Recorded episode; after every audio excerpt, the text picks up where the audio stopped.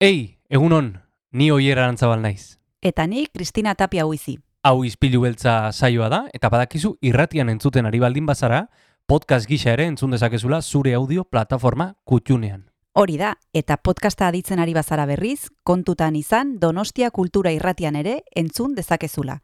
FM eundazazpi puntu lau frekuentzian. Sare sozialetan ere topatuko gaituzu noski, izpilu beltza bilatuta, Instagram, Facebook eta Twitterren. Besterik gabe, guazen gaurko saioarekin. Az gaitezen,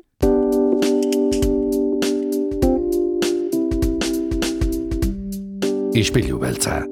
Donostiako kulturaren berri, Oyer Arantzabal eta Kristina Tapia buizirekin. Egun honen zule, astelena da eta energiarekin gatoz, ona, Donostia Kultura Irratira, izpilu beltzera. Izpilu beltzaren parean jartzera goaz, baina ja dutxatuta eta ondo jatzita. noski baietz. Ah, e, itxura onarekin, Ze pentsatzen zenuen ba, oier. Ni goizero dutxatzen naiz. Eh? Ah, vale, goizero, goizero, Eta horrastu eta eta kafe hartu. eta kafe hartu. Bai, bai. ez dira falta gauzaiek, txorrota gabezan genuen aurrekoan, eh?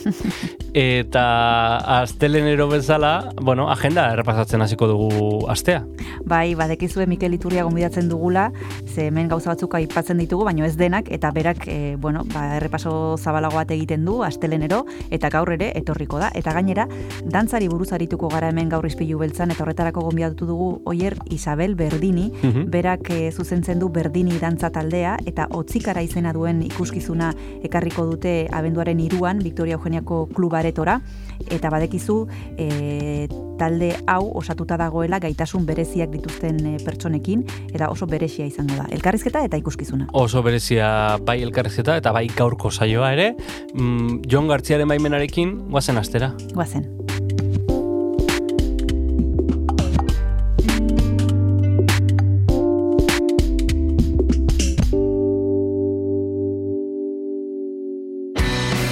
Egun honen zule, guazen gaurko saioari hasiera ematera, eta horretarako Willis Drummonden azkenetariko abestia entzungo dugu, hause da, gauzak.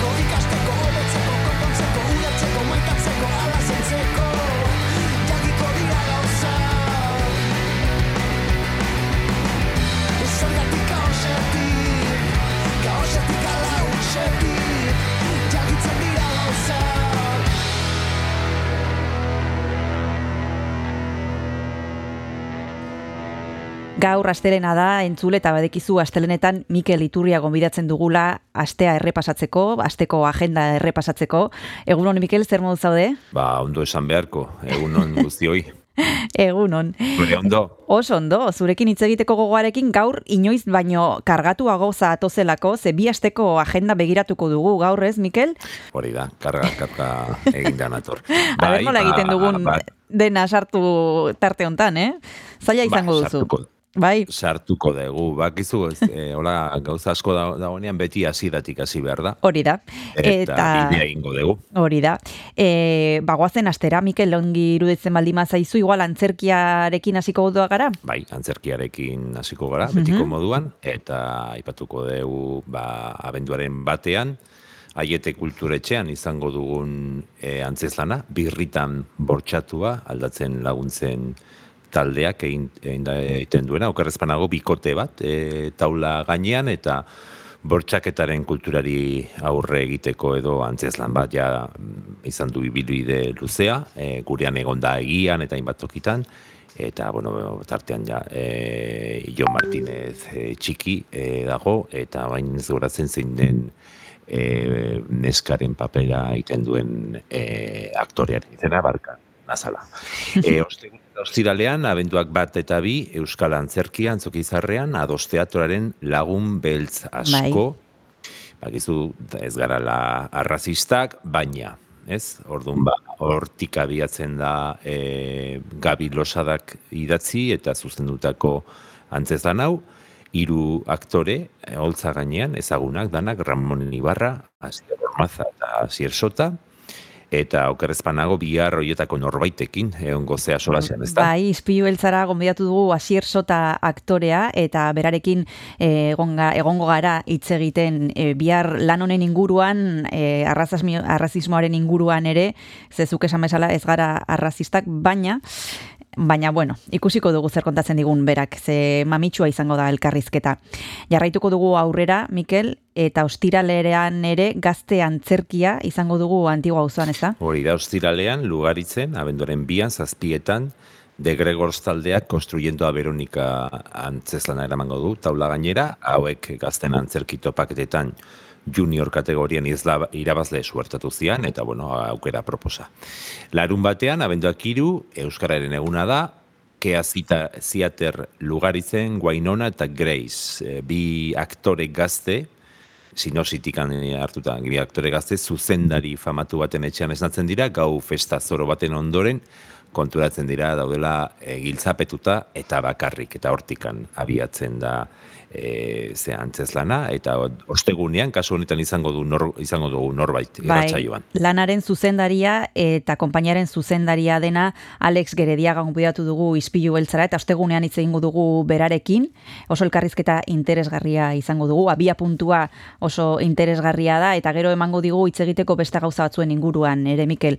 Eta aurrera egingo dugu antzerkiaren e, agendarekin aipatu dituzun e, aipatuko dituzu orain azken bi emanaldiak. Hori da, datorren astean sartuta, ba, hilaren sortzian eta hilaren behatzian, da bainaren sortzian eta behatzian Victoria Eugenia Kluben Euskarazko antzerki izango dugu, H teatroaren balbea, ba, bueno, denok hilko gea, baino presote gauden e, duintasunez hiltzeko Hmm. hori da e, egiten duen galdera. Eta gero amaitzeko, ba, disiplina arteko ikuskizuna, bendoren amaikan, antzoki zaharrean, gaztelaniaz, ados teatro, ados teatroa, bide bitarte eta sin sounden arteko koproduzioa, e, aporofobia, stop, eta, bueno, pues, e, egoera ekonomiko aulian edo etxegabe dauden pertsonekin zuzenean landutako sormen prozesu bat izan da, hain, hain zuzen ere, Iruñean dagoen Paris irusei bost jangela solidarioaren e, erabiltzaileekin. Udaleko lankidetza eta giza eskubideen bulegoekin e, programatutako ikuskizuna da, ze izan ere hilaren amarrean giza eskubideen nazioarteko eguna da. Eta hause, antzerkian kontatzeko nuena, Kristina. Antzerki antzerkiarekin bukatu dugu, eta guazen errepasatzera zer izango dugun e, dantzan, Mikel? Bai, abenduaren iruan bi nazioarteko egun ditugu, ba, ezaguna da Euskararena, Bai. baina bada ere desgaitasuna duten pertsonen nazioarteko eguna.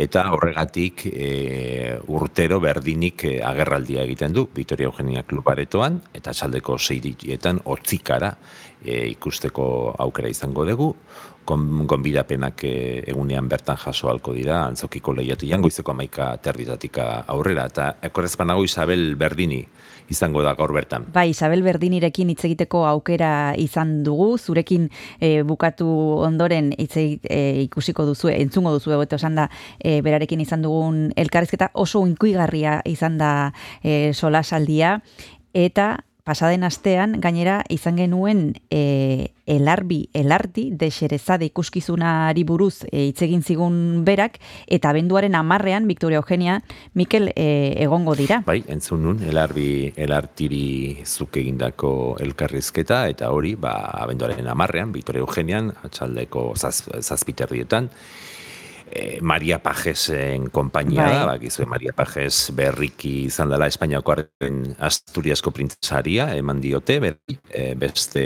mm, e, koreografa dantzari bakin, eta mila eta bat gaua klasikoan oinarritutako ba, e, lana egin dute e, Mariak eta mm, elarti, elarbi elarti, katu, ez da izen oikoa guretzat. Eta, bueno, ba, mila eta bat gaua klasikoan oinarritutako, bat, eta topiko eta estereotipo femeninoi aurre egiteko flamenko, flamenko ikuskizun bat da. Ja, nahiko ikusi duen dela bara, bueno, ba, lariun bat sarrera salduta daude, oso, oso ondo oso ondo dijoa, eta e, bakizu, e, dantzaren publikoa ez da izaten e, igual antzerk, antzerkira joaten den publikoa bezain beste, baina bueno, nahiko ikuskizun eh, aparte izango da. Bueno, bukatu dugu antzerkiarekin eta dantzarekin, eta igual tartetxo bat hartuko dugu, Mikel, eta horretarako abesti bat eskatu behar dizut. Ze kanta proposatuko duzu, Mikel? Ba, Txilera joan naiz, eta gizergatik astean, eta gizue, e, astean horretan ez joan den astean hiltzan e, Pablo Milanés, hori jartzeari nuka, baina asko jarri da, ez e, egun hauetan, da nik e, beste kantautore bat, kasu honetan Txilekoa, mila bat irudita marreko markada hartan mala maneran hildako Victor Jara, eta kanta Te recuerdo Amanda. Primera, magoazen entzutera.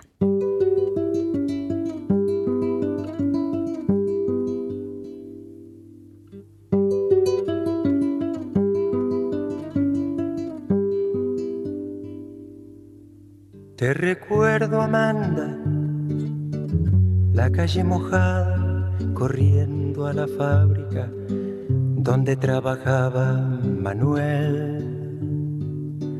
La sonrisa ancha, la lluvia en el pelo, no importaba nada, ibas a encontrarte con él, con él, con él, con él, con él. Son cinco minutos, la vida es eterna en cinco minutos.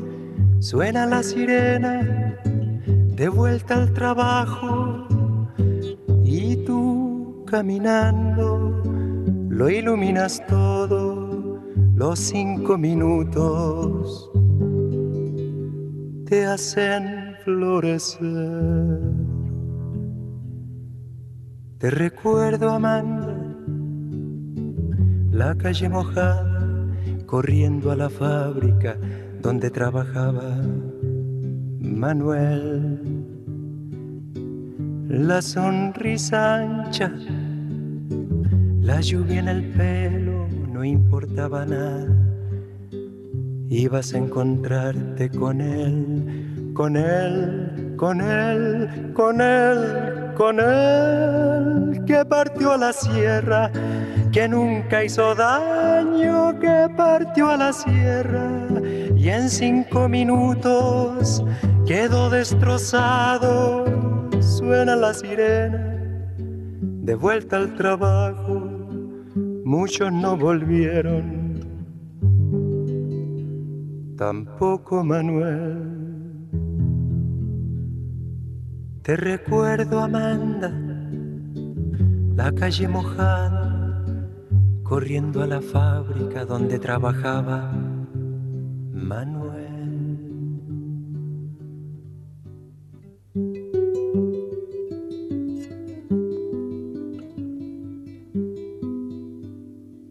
Donostia kultura irratian jarraitzen duzu, entzule gaur Mikel Iturria daukagu telefonaren beste aldean, agenda errepasatzeko, eta Victor Jararen terrekuerdo Amanda kanta entzun ondoren, sargaitezen kontzertuen agendan. Mikel, zer izango dugu gaur? Bueno, zer izango dugu aste honetan Barkatu. Aste honetan eta horrengoan zazpi emanaldi ditugu eta aste artean bihar bertan Vitoria Eugenia Kluben jazz kontzertu izango dugu Vincent Herring eta Joe Magnarelli Mm. e, boskote formatuan e, omena, omenezko omenaldi egingo diote jazzaren historiako trompeta jotzaile handi bati, ez duela berrogeita hamar urte hildako Lee Morgani, eta e, saxofoi jotzailea da Vincent Herring, eta trompata jotzailea Magnarelli, eta ba, Atlantikoaren bi al- aldeetako artistak e, juntatu dituzte, elkartu dituzte, eta hori esan bezala, bihar, eilako eta behatzi, zazpiterritan Vitoria Eugenia Kluben gertutikan ikusteko eta gozatzeko e, ba, boskote, boskotea. Euskaraldiaren programazioaren baitan hainbat kontzertu ditugu, musika kontzertu akustikoa, aste azkenean, okendo kulturetxeko terrazan, eguraldiak laguntzen balin badu, iruzur eta pelax, zortzietan, beste kontzertu bat, musikagela kontzertu bat errerako El Nido Tabernan, ostiralean, abenduak bi, zortziterritan Fisis versus Nomo, versus Nomos, barkatu, e, erabat e, aldatuz larun batean eta igandean hilak lau opera dugu, Victoria Eugenian, Dido eta Eneas, Opus Libikaren produkzio ekoizpen bada, e, amazazpigarren mendeko obra bada, Henry Purcellek komposatutakoa, e, Dido eta Eneas, eta Virgilioren eneidako liburutik hartutako amodio historio bada, Eta, bueno, pues, e, bi egunetan izango dugu Victoria Eugenian. Intxaurrondon larun batean Euskaraldiaren barruan berriro ere Euskararen nazioarteko egunan, amak taldea, ba, kizue, Alaizei etxe, Amaisa Lizarribar, Amaia Oreja eta Kris Solanu, e, tekiti mundutik datozen, bueno, pues, laro marreko markadan zer esan eman duten emakume izan dira, eta, bueno, gaur egun e, talde hau mm, sortu dute, eta, bueno, ba, ikusteko aukera daukagu. E, larun batean, e, trikititik e, pasako gea kante flamenkora, hilaren Hmm. amarrean antzoki Hmm. zaharrean kante flamenko lehiaketa. Eta, bueno, parte hartzaileen saioaren ondoren egongo da bikote bat, Ana eta Esmeralda Rankapino, eta beiekin batera, gitarra jotzen Antonio Ibero. Bai, asteazkenean, esan bezala, hilaren hogeita marrean, guk eh, Juan Carlos Jiménez, Kamelamos adikerar, ijituen elkarteko lendakaria izango dugu hemen lehiaketari buruz hitz egiten, baita ijitoen egoerari buruz ere hitz egiten, elkarrizketa polita izango dugu Juan Carlosekin, eta urtea amaitzen ari da, eta urtearekin batera amaituko dugu Mozart versus Brahms zikloa. Mikel, oso ziklo ederra eta emankorra, eta ja, pixkanaka pixkanaka bukatzen ari dena. Hori da, Donostia musikaren bat, musikarekin batera antolatu izan da, batez ere asko, kontzertu asko izan dira guardiko Bai. amabitan, igandean, igandeetan, eguerdiko amabitan, hilan behin, gutxo gora bera, e, eta kasu honetan Ensemble Siciliano kitxiko du e, ba, bueno, zikloa. E, okerrezpanago, ez da gita abenduaren hasieran edo noiz, emango da ezagutzera zein den e, datorren urteko zikloa, Donostia musikarekin batera antolatuko dana, eta, bueno, pues hausen musikarekin neukana, eta igual agian bloke honi agur esateko, ba, Fisis versus Nomos taldearen konpromezu kanta jartzen balin badegu, ze ziru izen zaizu. Oso ondo, primeran, guazen entzutera, Mikel.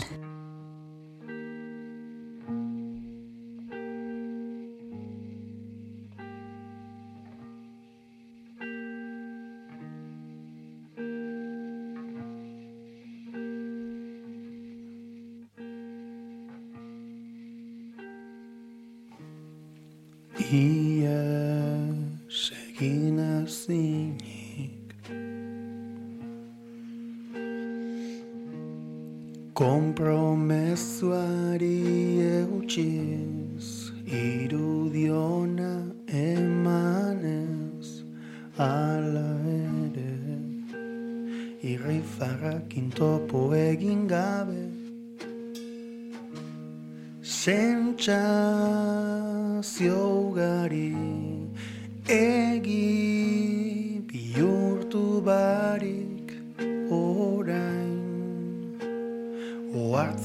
oartzen naizen bat galduta dauden. Zer esango duten pentsatzen duzulen bizi Ez zaitezkezka burukeriokin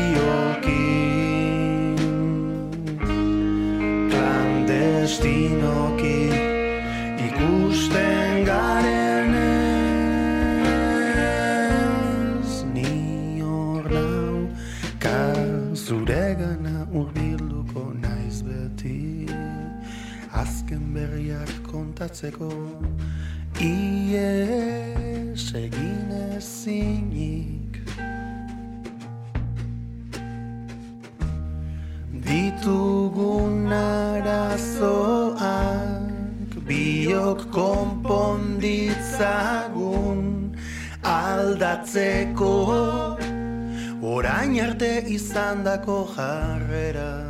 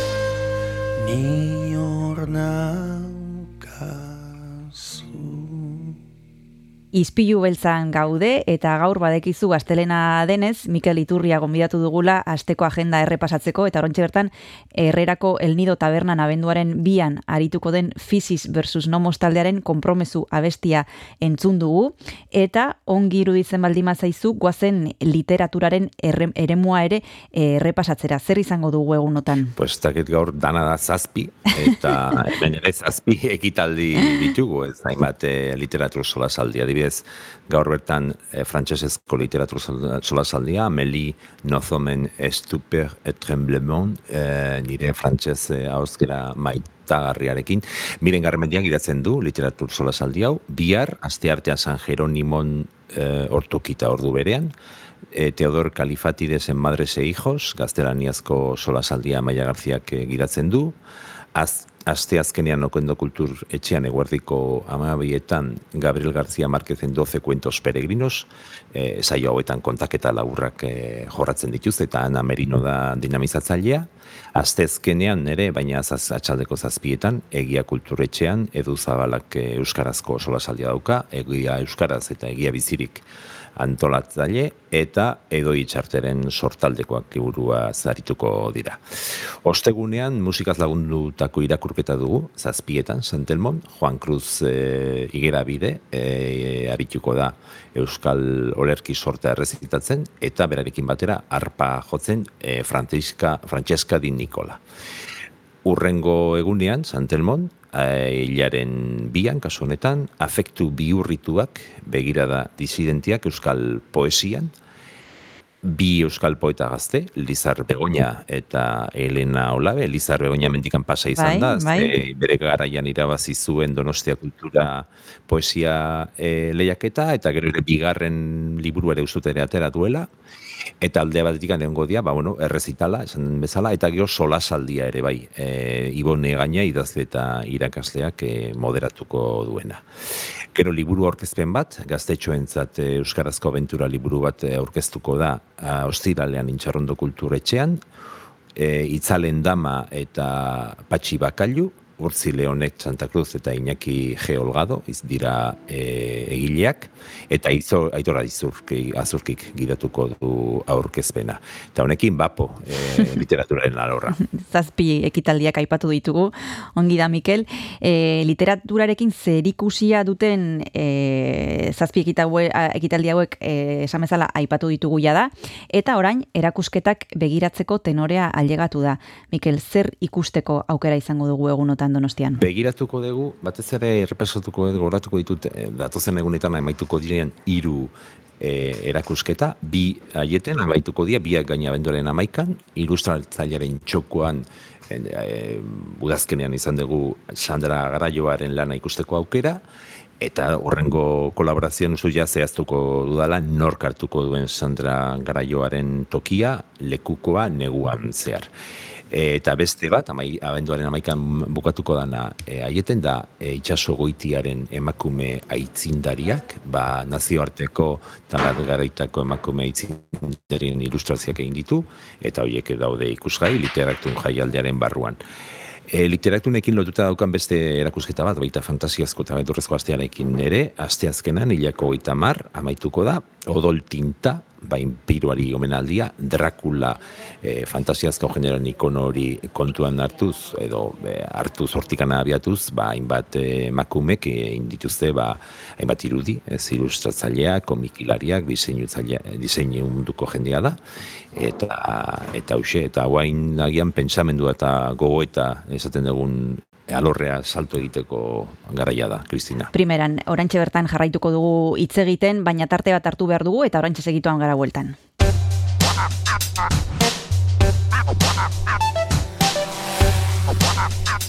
Donostia kultura irratia. Zabaldu gurekin Donostialdeko kulturaren leioa.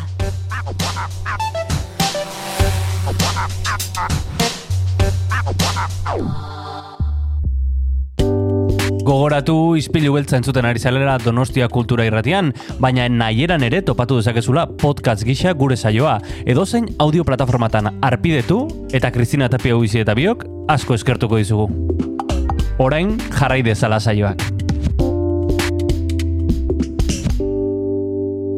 Bueno, ba, esan bezala arnaz pixka bat hartu ondoren, begiratu ditzagon datozen egunetan izango ditugun hainbat hitzaldi eta mai inguru Mikel, zer gomendatzen duzu? Ba, gomendatzen dut, e, ura edatea, hori da nik egin dudan une honetan.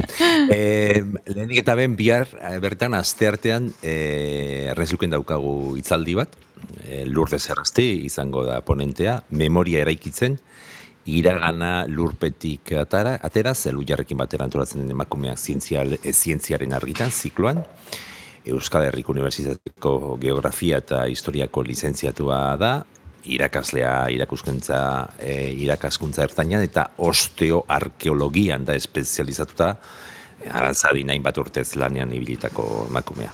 Lurdez, errazti, aste artea, Ernest kulturetxean.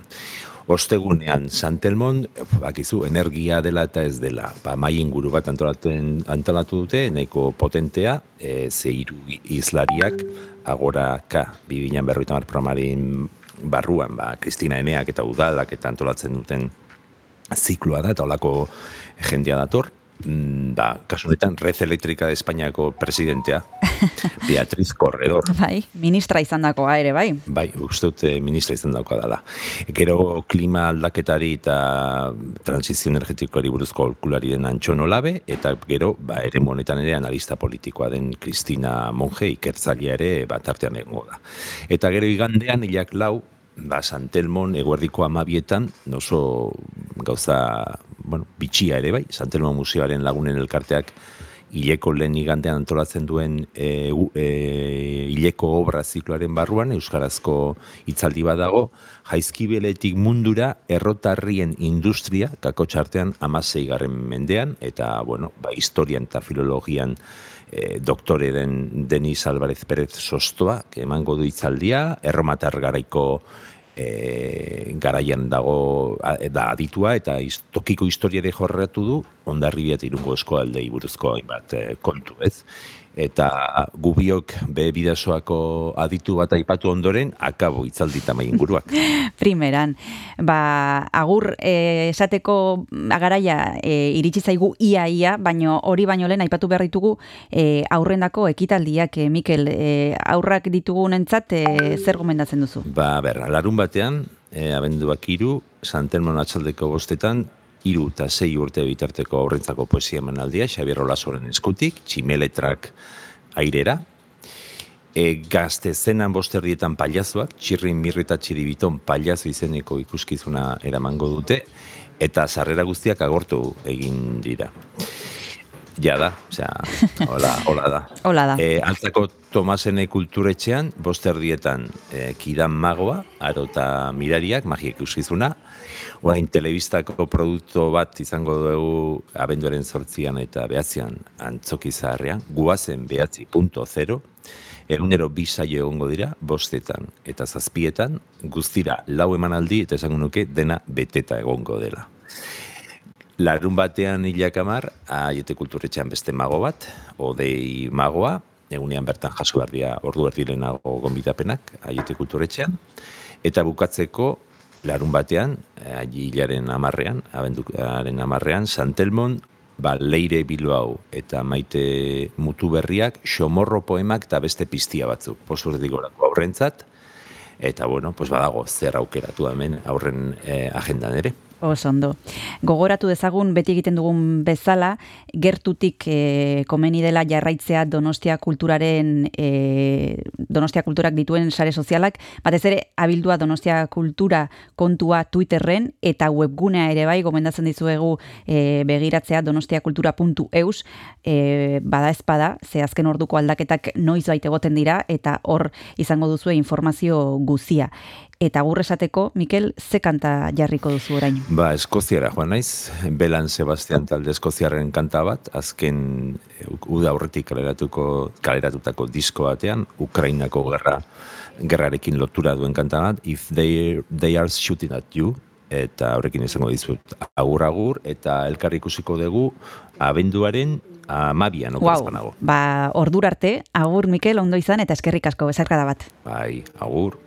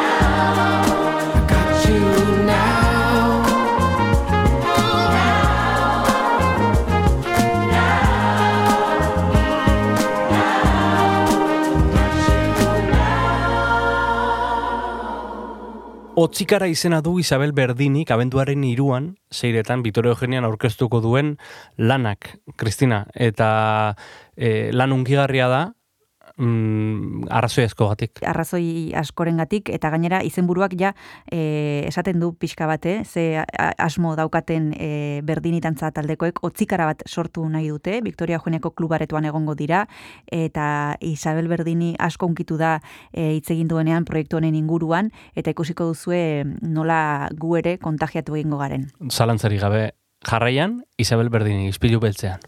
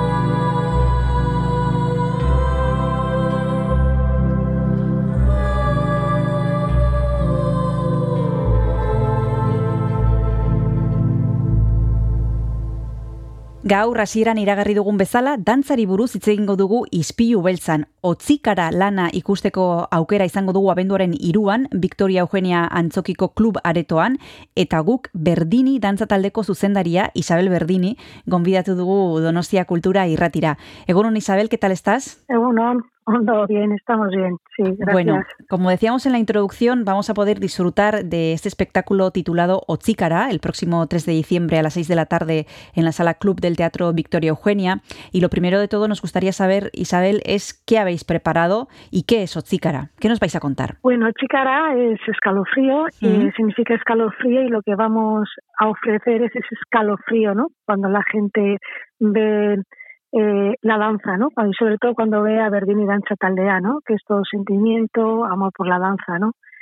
Entonces es lo que se va a ver, se va a ver esas emociones, esos sentimientos y luego pues se va a ver danza y luego también se va a ver un audiovisual que es un documental que se llama, que se ha titulado Yumbeti Carguera, que está dentro, está dentro metido del espectáculo, que ahí se va a ver pues todo el trabajo que es Verdini, que es Verdini antes de salir en el escenario, que es Verdini, eh, lo que dicen los bailarines, lo que expresan para ellos lo que es Verdini, pero lo que es ese, lo que es esas, son esas emociones, ¿no? Que lleguen al público, ¿no? De lo que es, lo que es Verdini eh, natural, al vivo, ¿no?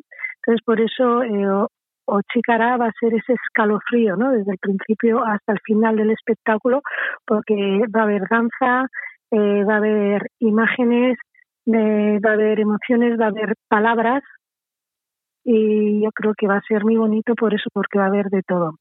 Y luego lo, lo importante de todos los años, como siempre, como es el día, es nuestro día, como decimos en Verdini, es el día 3 de diciembre, el día de internacional de euskera y el Día Internacional de la Discapacidad, pues nosotros lo celebramos dando un premio y siempre le, le llamamos el premio Verdini Danza Taldea, claro está, y que lo hacemos del año 2014 y que se suelen dar a personas o entidades que destacan por el apoyo a la discapacidad y al euskera.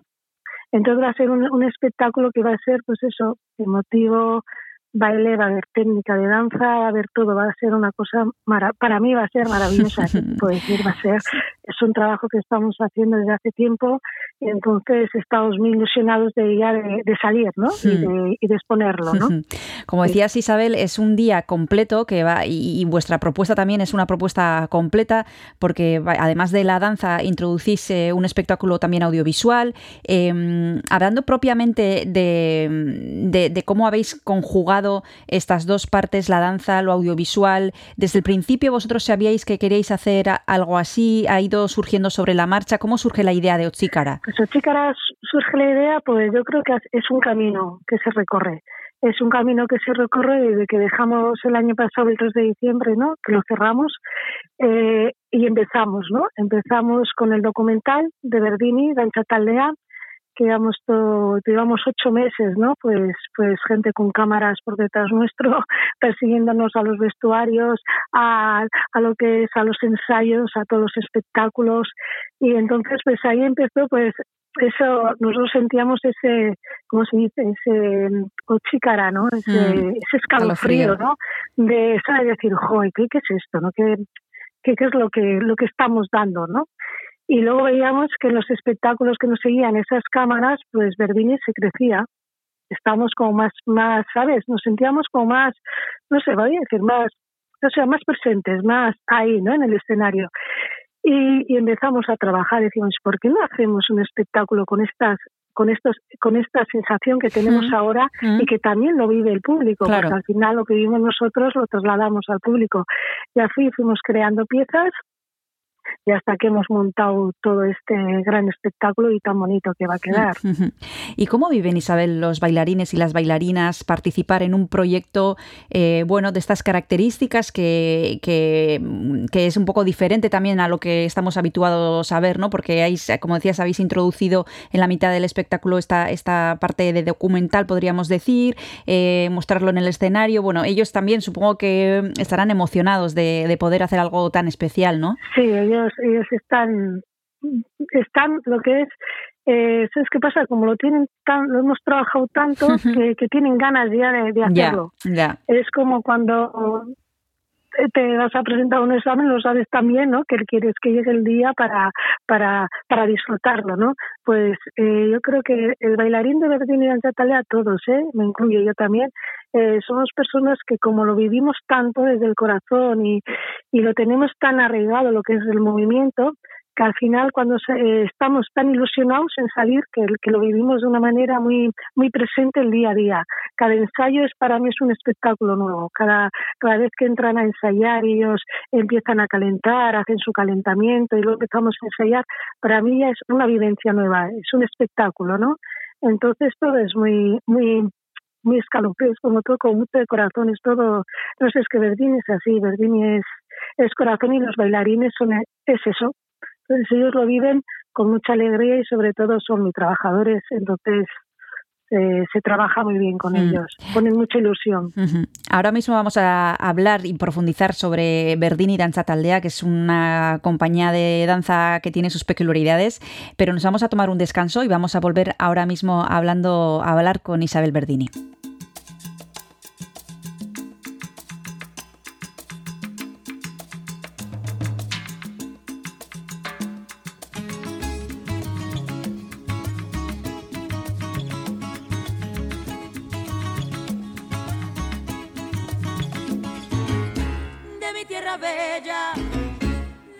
Santa. Oigo ese grito de los tambores y los timbales al cumbancha. Y ese pregón que canta un hermano que de su tierra vive lejano y que recuerdo le hace llorar.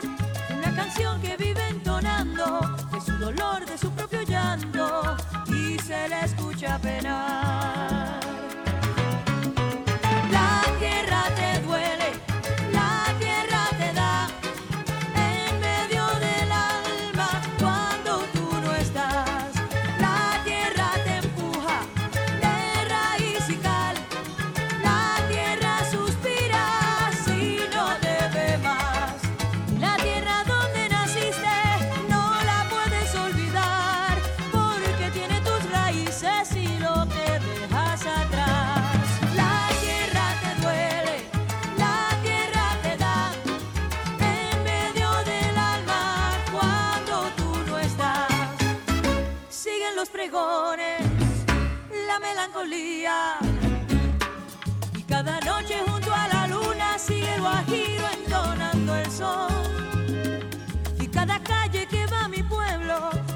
Tiene un lamento, tiene nostalgia como su voz. Esa canción que sigue entonando, corre la sangre y sigue llegando con más fuerza al corazón.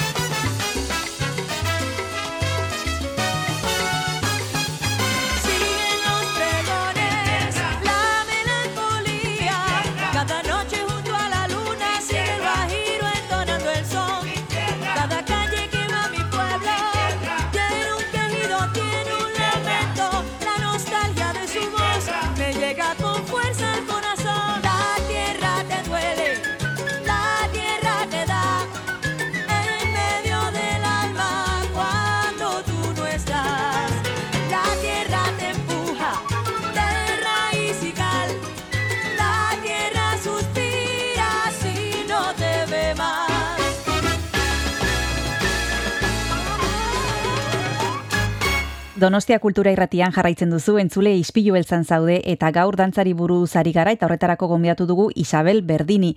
Berak eh, zuzentzen baitu Berdini dantza taldea eta benduaren iruan arratsaleko seietan Victoria Eugenia Antzokiko klub aretoan otzikara izena duen ikuskizuna ekarriko dute eta itzeingo dugu orain baita ere pitz- pitin bat Berdini dantza taldeanen inguruan Isabel.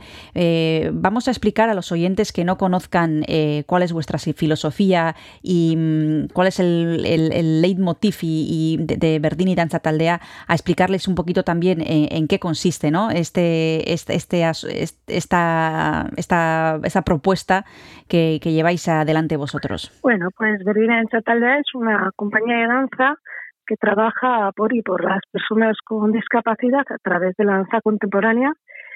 Llevamos casi 30 años, hacemos dentro de dos años, que ya estamos también reparando los, los 30 años de Verdini, que está a la vuelta de la esquina. Entonces, pues nosotros es una compañía que eso que nace de una de una necesidad que yo vi en mi familia, porque nació mi sobrina con síndrome de Down, sea, y fue una promesa que le hice a mi hermana Maya. Y entonces, pues bueno, esa promesa se hizo realidad y seguimos, seguimos trabajando por porque se vea que, que todo el mundo, pues, podemos hacer todo lo que nos guste, tenemos los mismos derechos a la hora de decidir y, y bueno, y que la danza tiene que ser parte, ¿no? De, de las personas, ¿no? Que tienen una discapacidad, porque si ellos quieren ser bailarines, ¿por qué no, no? Eh, entonces ahí estamos Verdini, entró Verdini para dar ese, ese hueco, ¿no? Porque cuando yo empecé hace años, hace 30 años casi, pues no había. Entonces, pues bueno, ahí empezamos poquito a poco y pues hoy en día pues eh, es una gran compañía de danza. Isabel, has mencionado algo importante también y me gustaría subrayarlo. Antes hemos explicado, bueno, has explicado tú eh, cómo se sienten eh, los bailarines y las bailarinas al participar eh, en un espectáculo así y cómo son los ensayos, cómo son los espectáculos, pero también has mencionado a la familia. En este caso, por circunstancias, te ha tocado de cerca también cómo viven los familiares, ver encima del escenario a sus hijos, a sus hijas, cómo les llevan cada día en, en- en lo- en- durante el curso a los ensayos, cómo lo viven ellos. Pues lo viven pues muy bien, porque yo creo que al final es parte de Verdini, esa familia, ¿no? Que, que estamos hablando, esos padres, porque si no los llevarían ellos, o sea, si ellos no tienen ilusión, pues el crío, pues el bailarín igual no vendría, y sobre todo cuando eran más pequeños. Ahora ya, son- ya son más autónomos porque ya tienen edades, entonces ya vienen solos, pero sí que es cierto que, que sí que hay mucha mucho apoyo mucho apoyo porque se llama los sábados, los domingos, eh, y hay que estar ahí, hay que estar ahí, hay que quitarte de ese, a la playa, ¿no? En verano, que hemos estado trabajando, hay que quitarse de a veces de vacaciones, entonces claro que el apoyo de la familia, de los padres, es muy importante, es una, es una pieza clave en Verdín y Danza Taldea. Nos hemos ido a, por ejemplo, cuando nos fuimos a la tele de dance, pues también tuvimos que que no que apoyar no con los padres y nos fuimos todos no entonces claro que sí que los padres un anclaje es muy importante para. Verdini Ujú. Antes has dicho una cosa y es por qué no eh, se puede dedicar eh, un niño o una niña a la danza. Eh, bueno, eh, ¿tú crees que esto está cada día más cerca? Que uno de, si a alguno de ellos les gustaría dedicarse a esto de forma profesional, lo podrían hacer. bueno yo creo que sí lo que pasa que hay que confiar yo estoy sí yo por mí yo ya lo llevo Mm. y ya lo hago Ya, Eh, claro. profesional eh, yo ya lo estoy haciendo pero sí que es cierto que una compañía que cogiera a una a un bailarín mío yo encantada de la vida claro que sí yo yo que sí estoy trabajando por ello claro que sí como pueden hacer cualquier otro trabajo si se les enseña como a todo el mundo y se les abre las puertas y se les abraza eh, hacer eso con naturalidad y con amor, desde luego que claro que sí que pueden hacer. Yo no, yo confío en ellos plenamente. ¿Te parece que tenemos todavía prejuicios, Isabel? Vosotros que lleváis 30 años trabajando eh, con Verdini Danza Taldea, ¿habéis visto cómo ha evolucionado o no? Ahora me dirás eh, la sociedad. Eh, no sé si nos queda mucho por hacer, si hemos, hemos eh, si ya hemos hecho mucho. Se ha hecho mucho y queda mucho por hacer. ¿eh? Eh, yo creo que perjuicios lo que hay es, es desconocimiento. Yo siempre cuando hablo de Verdini y cuando salgo con ellos al, al, escenario es para que conozcan lo que es una persona con discapacidad. A ver, pongo discapacidad para que sepan que tiene una discapacidad, pero yo para mí son personas y no les pondría el término de discapacidad para nada. ¿eh? Pero sí que es cierto que claro que hay que seguir trabajando y lo que hace falta es que la gente lo que lo que haga es que venga a vernos para conocer lo que es, porque a veces la gente no se imagina lo que lo que vamos a ofrecer.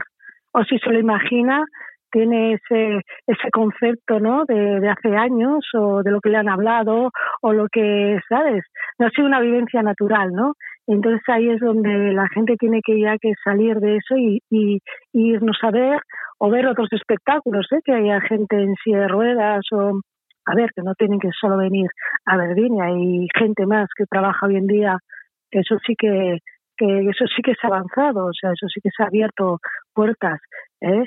Entonces yo creo que es el, yo creo que es el conocer, el conocer, como todo, el- cuando tú conoces algo lo abrazas y lo entiendes y dices, ah, pues mira, oyes, pues ya me ha gustado, ¿eh? o no te puede gustar, ojo, a ver, ¿eh?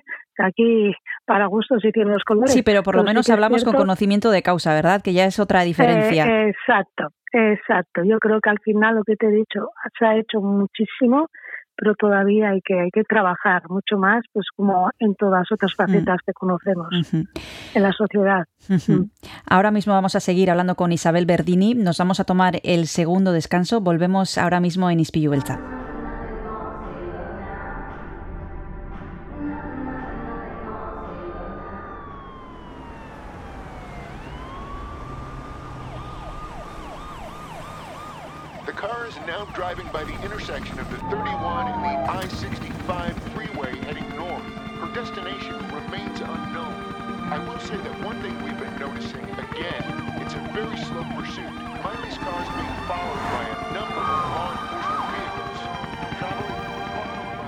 This world can hurt you, it cuts you deep and leaves a scar. Things fall apart, but nothing breaks like a heart. Nothing breaks like a heart. I heard you on the phone last night. We live and die by pretty lies, you know it. We both know it. These silver bullet cigarettes,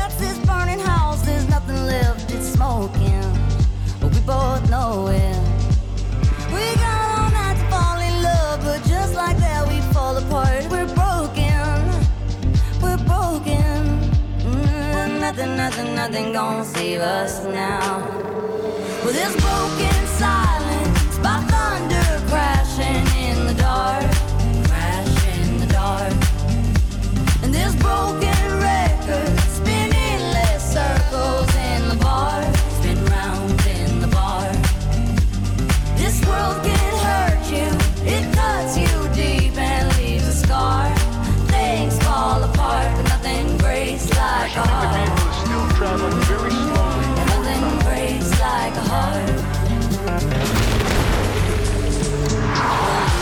other cold as ice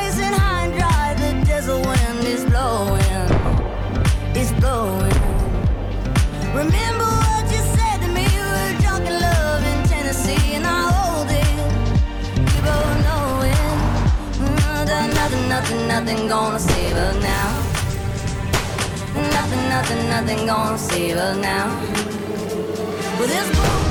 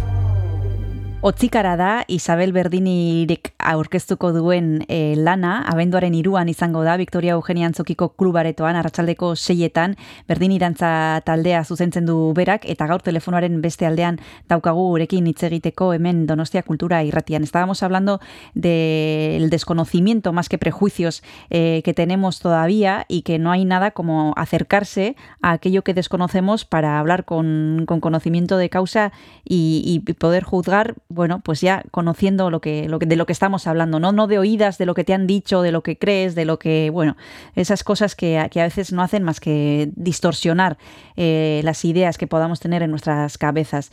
Eh, hablábamos de una compañía muy especial de Berdini Danza Taldea, Isabel. Eh, a ti, en estos 30 años, ¿Qué es lo que más te gusta de trabajar con, con estas personas, con ellos y con ellas, con estos eh, niños y niñas? ¿Qué nos subrayarías? Pues ya me emociono. Hmm. Todo, todo. Para mí Es mi manera de vivir, es mi, es mi vida. Es, no puedo decir más, es, Mm. es todo. Para mí, Perdini, trabajar con ellos es todo. Mm. Porque me dan esa paz, esa tranquilidad interna, me enseñan mucho. Y luego son, ¿qué quieres que te diga? Es que es, es, es gratitud, es gratitud, solo les puedo dar gracias a ellos. Mm. ¿eh? Sí. A veces, Isabel, pasa que en este caso tú eres la, la profesora, ¿no? La que eh, sabes más de danza y ellos son los alumnos, pero también se recibe de vuelta, ¿verdad? Eh, que parece que todo va de arriba abajo, pero también ellos dan eh, y, y te pueden enseñar muchísimas cosas, no solo de danza, sino de otras muchísimas cosas y al final es como eh, una cosa que va y que viene, ¿no? Exacto, sí. Sí, trabajar con ellos es eso, es eso ya te digo, es entrar al aula y es día cada día que entramos es día diferente, ¿no? Son emociones diferentes, son situaciones diferentes, eh, entonces es, es, como digo yo, es, es, es maravilloso, ¿no? Tener eh, eso, poder vivir esa experiencia. Para mí es muy bonito vivir esa experiencia diaria con ellos porque porque yo doy clase, ¿eh? yo doy clase a, de otras cosas y claro que sí que con los demás grupos también siento es verdad ¿eh? que también sientes aprendes pero con, con Verdini es, es, es algo es algo especial es como algo algo que viene muy muy de dentro o sea es que no sé explicarlo es como que eh, es más corazón sí que quiero decir que que, que todo lo demás, o más Mm. sentimiento, ¿no? Mm. No sé. No sé Sí, cómo y a lo mejor, bueno, bueno, tú me, me corregirás si estoy en lo cierto o no, pero eh, no sé si es posible que ellos eh, tengan menos o ninguna barrera de la que nosotros solemos tener, ¿no? En la cabeza, sobre todo, eh, bueno, pues como más, eh, más eh, naturales, más transparentes o más inocentes, no sé cómo Sí. de explicarlo, pero Sí, puede, sí, sí, sí, sí, sí, es verdad que son más naturales, son más impulsivos, todo lo que sienten por lo, por lo dicen. Eh, a mí me muy contenta y me decía el otro día, ay, ¿qué te has tomado hoy que estás tan contenta? Y yo, pues nada, pues que es viernes y estoy contenta que estéis aquí en clase conmigo, que me abracéis tanto y me queréis tanto, pues, pues estoy contenta, ¿no? Pero sí, dice, ¿qué te has tomado, no? Para... Y yo, no, nada, cariño, pues que estoy contenta de veros y de estar con vosotros y que el espectáculo sale bien y que estéis trabajando muy bien y eso me hace sentirme contenta y entonces lo expreso. O sea, te hacen saber, te hacen, te digo, te hacen saber expresar las cosas, ¿sabes? Como ellos lo expresan, coges y también lo haces, ¿no? A la misma manera que los hacen ellos, ¿no? Y cuando estoy enfadada también les digo, ¿no? Como ellos me dicen a mí, ¿eh? Pero o cuando estoy triste también compartimos esa esa, oye, hoy cómo estamos, ¿por qué estás triste? Pues el otro se habla mucho en clase también, esas emociones, ¿no? Entonces es muy bonito, es una experiencia muy bonita. Bueno, y de esas emociones, eh, el resultado, podríamos decir que en parte también está recogido en Ochícara, que es la propuesta que traéis eh, el día 3, como decíamos al principio, y estáis eh, totalmente centrados eh, preparando esto, pero Isabel, yo no sé si tenéis algo más eh, en mente en Verdini, alguna otra idea para el curso que viene, no sé, o todavía es pronto. Todavía hay proyectos, pero que bueno, que ahora se tienen que cerrar. Ujú. Y bueno, seguiremos con, sabemos que por, ahora- Bueno, ahí es que no puedo decir nada porque todavía No, no, no, está no. cerrado. No, todo, no, mejor que no, mejor que no. Bueno, hay proyectos entonces, Isabel. Hay proyectos y hay ilusiones. Lo importante Que eso es, lo que hay importante. proyectos, hay un camino que todavía hay que recorrer, hay trabajo que hacer, como te he dicho antes, para que lleguemos a más gente, para que abrace a las personas con discapacidad como, como son. Y todavía pues vamos a estar aquí, pues espero que me hagas muchas más entrevistas Ojalá. para que te cuente más proyectos y para que te diga que, que sí que es cierto que la sociedad está, está cambiando pero mucho. Ojalá sea así. Isabel, de momento nosotros lo que podemos hacer es recomendar a los oyentes que se acerquen el día 3 a las 6 de la tarde al club del Teatro Victoria Eugenia, porque van a poder disfrutar de Otzícara, que como nos ha explicado Isabel Verdini es un espectáculo de lo más completo y hecho con muchísimo corazón. Así que muchísimas gracias a ti, Isabel, por haberte acercado a Donostia Cultura y Ratía. Eh, un abrazo y hasta la próxima. Gracias a vosotros, agradecida. Agur. Venga, gracias. Besos. Agur.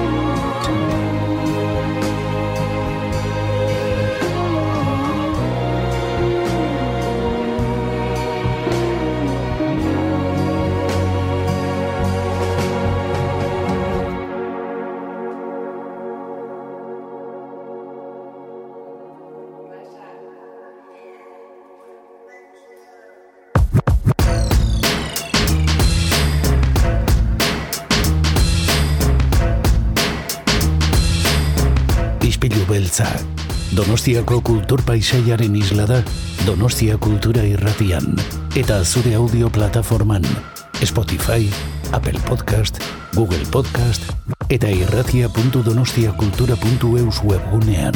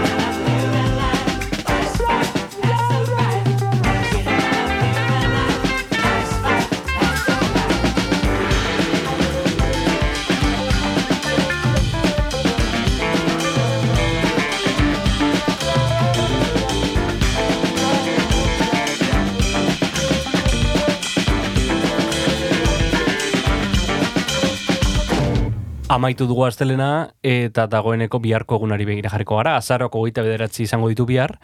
Eta gurean, mm, ba bueno, eh, lagun asko etorko dira. Bai, lagun asko batetik Pedro Saldaña, Kresala Zine Klubeko kidea da, eta ekarriko duen pelikulak izena du Plumas. Omar El Zoairi e, da zuzendariaren izena, eta bestalde, antzerkiari buruz arituko gara, eta horretarako gombidatu dugu Asier Sota, bera aktorea da, eta lagun beltz asko izena duen ikuskizuna ekarriko du antzokizarrera, eta horren inguruan arituko gara berarekin. Primeran, eh, gauza asko beraz eh, biharko saioan ere, gauza eder asko, beti bezala, gonbidatu interesgarriak, hemen izpilu beltzean Donostia Kultura Irratian FM eundazazpi.lau frekuentzian, eta audio plataformetan. Mm, beti bezala, eskertuko dizu gomendatzen balin baduzu lagun artean, eta, eta tira, ba, ondo izan bihar arte. Bihar arte.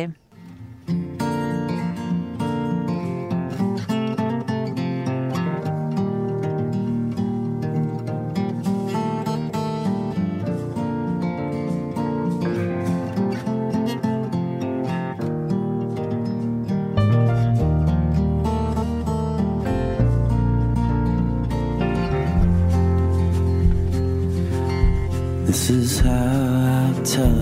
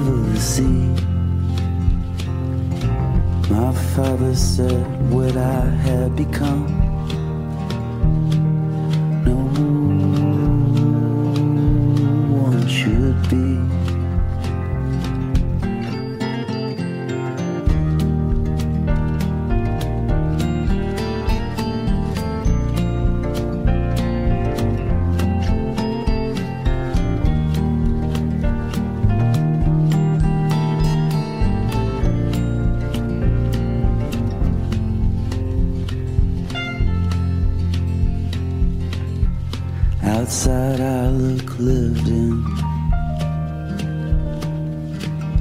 Like the moans in a shrine How am I forgiven?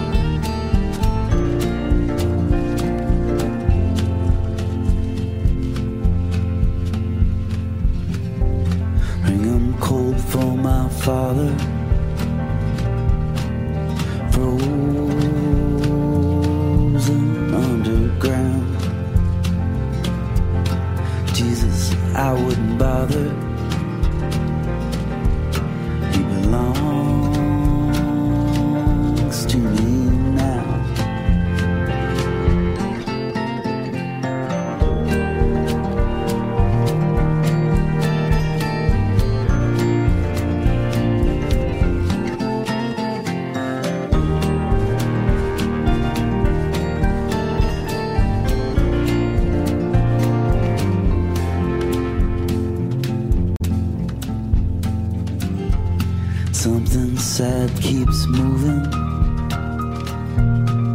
So I wandered around. I fell in love with the burden.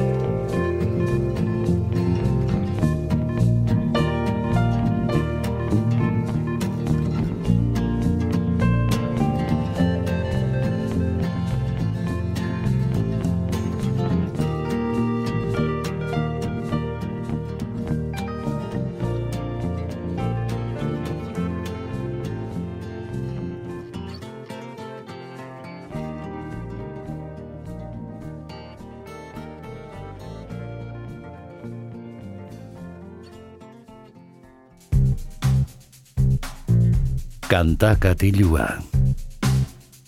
Jon Gartziaren eskutik. Kaixo entzule, ongietorri garko kantakatiura, iritsi gara ispilu beltzaren amairara beste astelen batez, eta gaurkoan ere disko bat entzungo dugu saioari amaira emateko. Disko laburra izango da kasu honetan, tolosara joango gara hain zuzen ere mirua izeneko proiektu berria ezagutzera, eta haien lehen EPA disko laburra atera dutenez, ba guk gaurkoan Donostia Kultura Erratian entzongo dugu, eta besterik gabe, guazen entzutera lehen abestiarekin, hause da, egunak uztenez didanetan.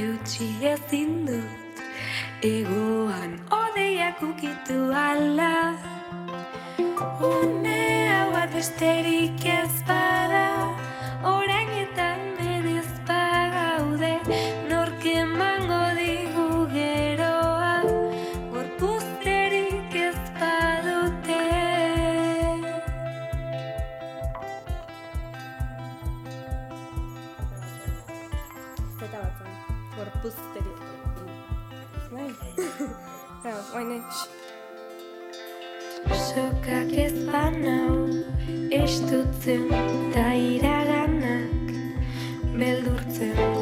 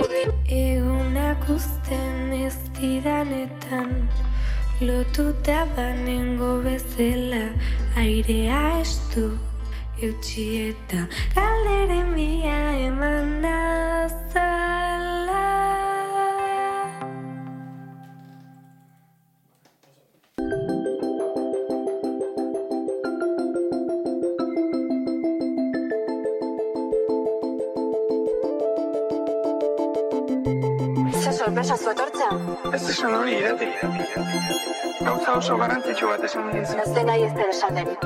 Ez zuzuk nire.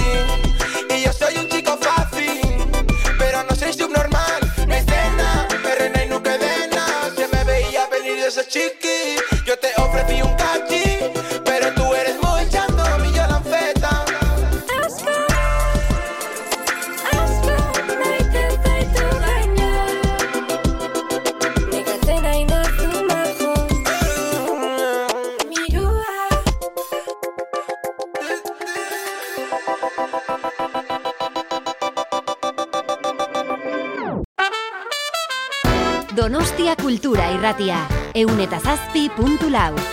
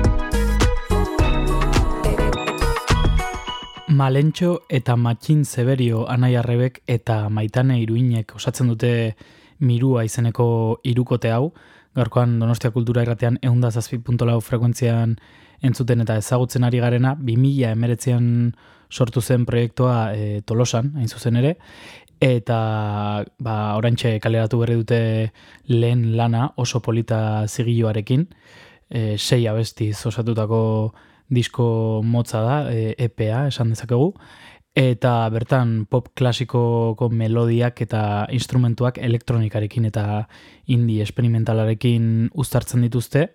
E, orain txentzun dugun abestia izan da Goxoloin, eta ezagutuko dugun urrengo abestia, bitxia da, izan ere txintxin izeneko kantu hau tolosako inauterietako abesti ezagun batekin ba, sampleatuta egin dute, guazen entzutera eta deskubritzera zer egin duten tolosako irukote honek. Aurre ikusi ezin dena. Ez da errexea topatzen Ta ostutakoa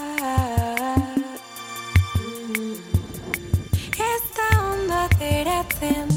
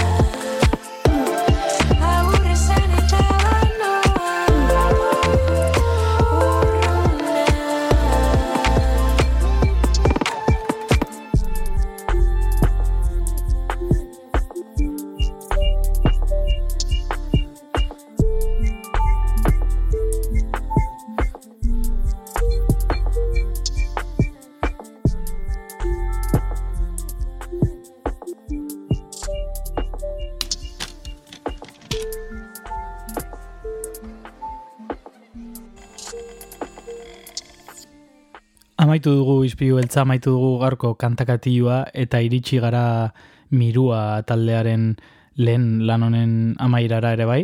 Orain txentzun duguna izan da kutxuna izeneko kantu ederra eta tira ba, interesgarria tolosako irukote honek kaleratu berri duen lehen lana. E, gehiago entzuteko irrikitan gaude.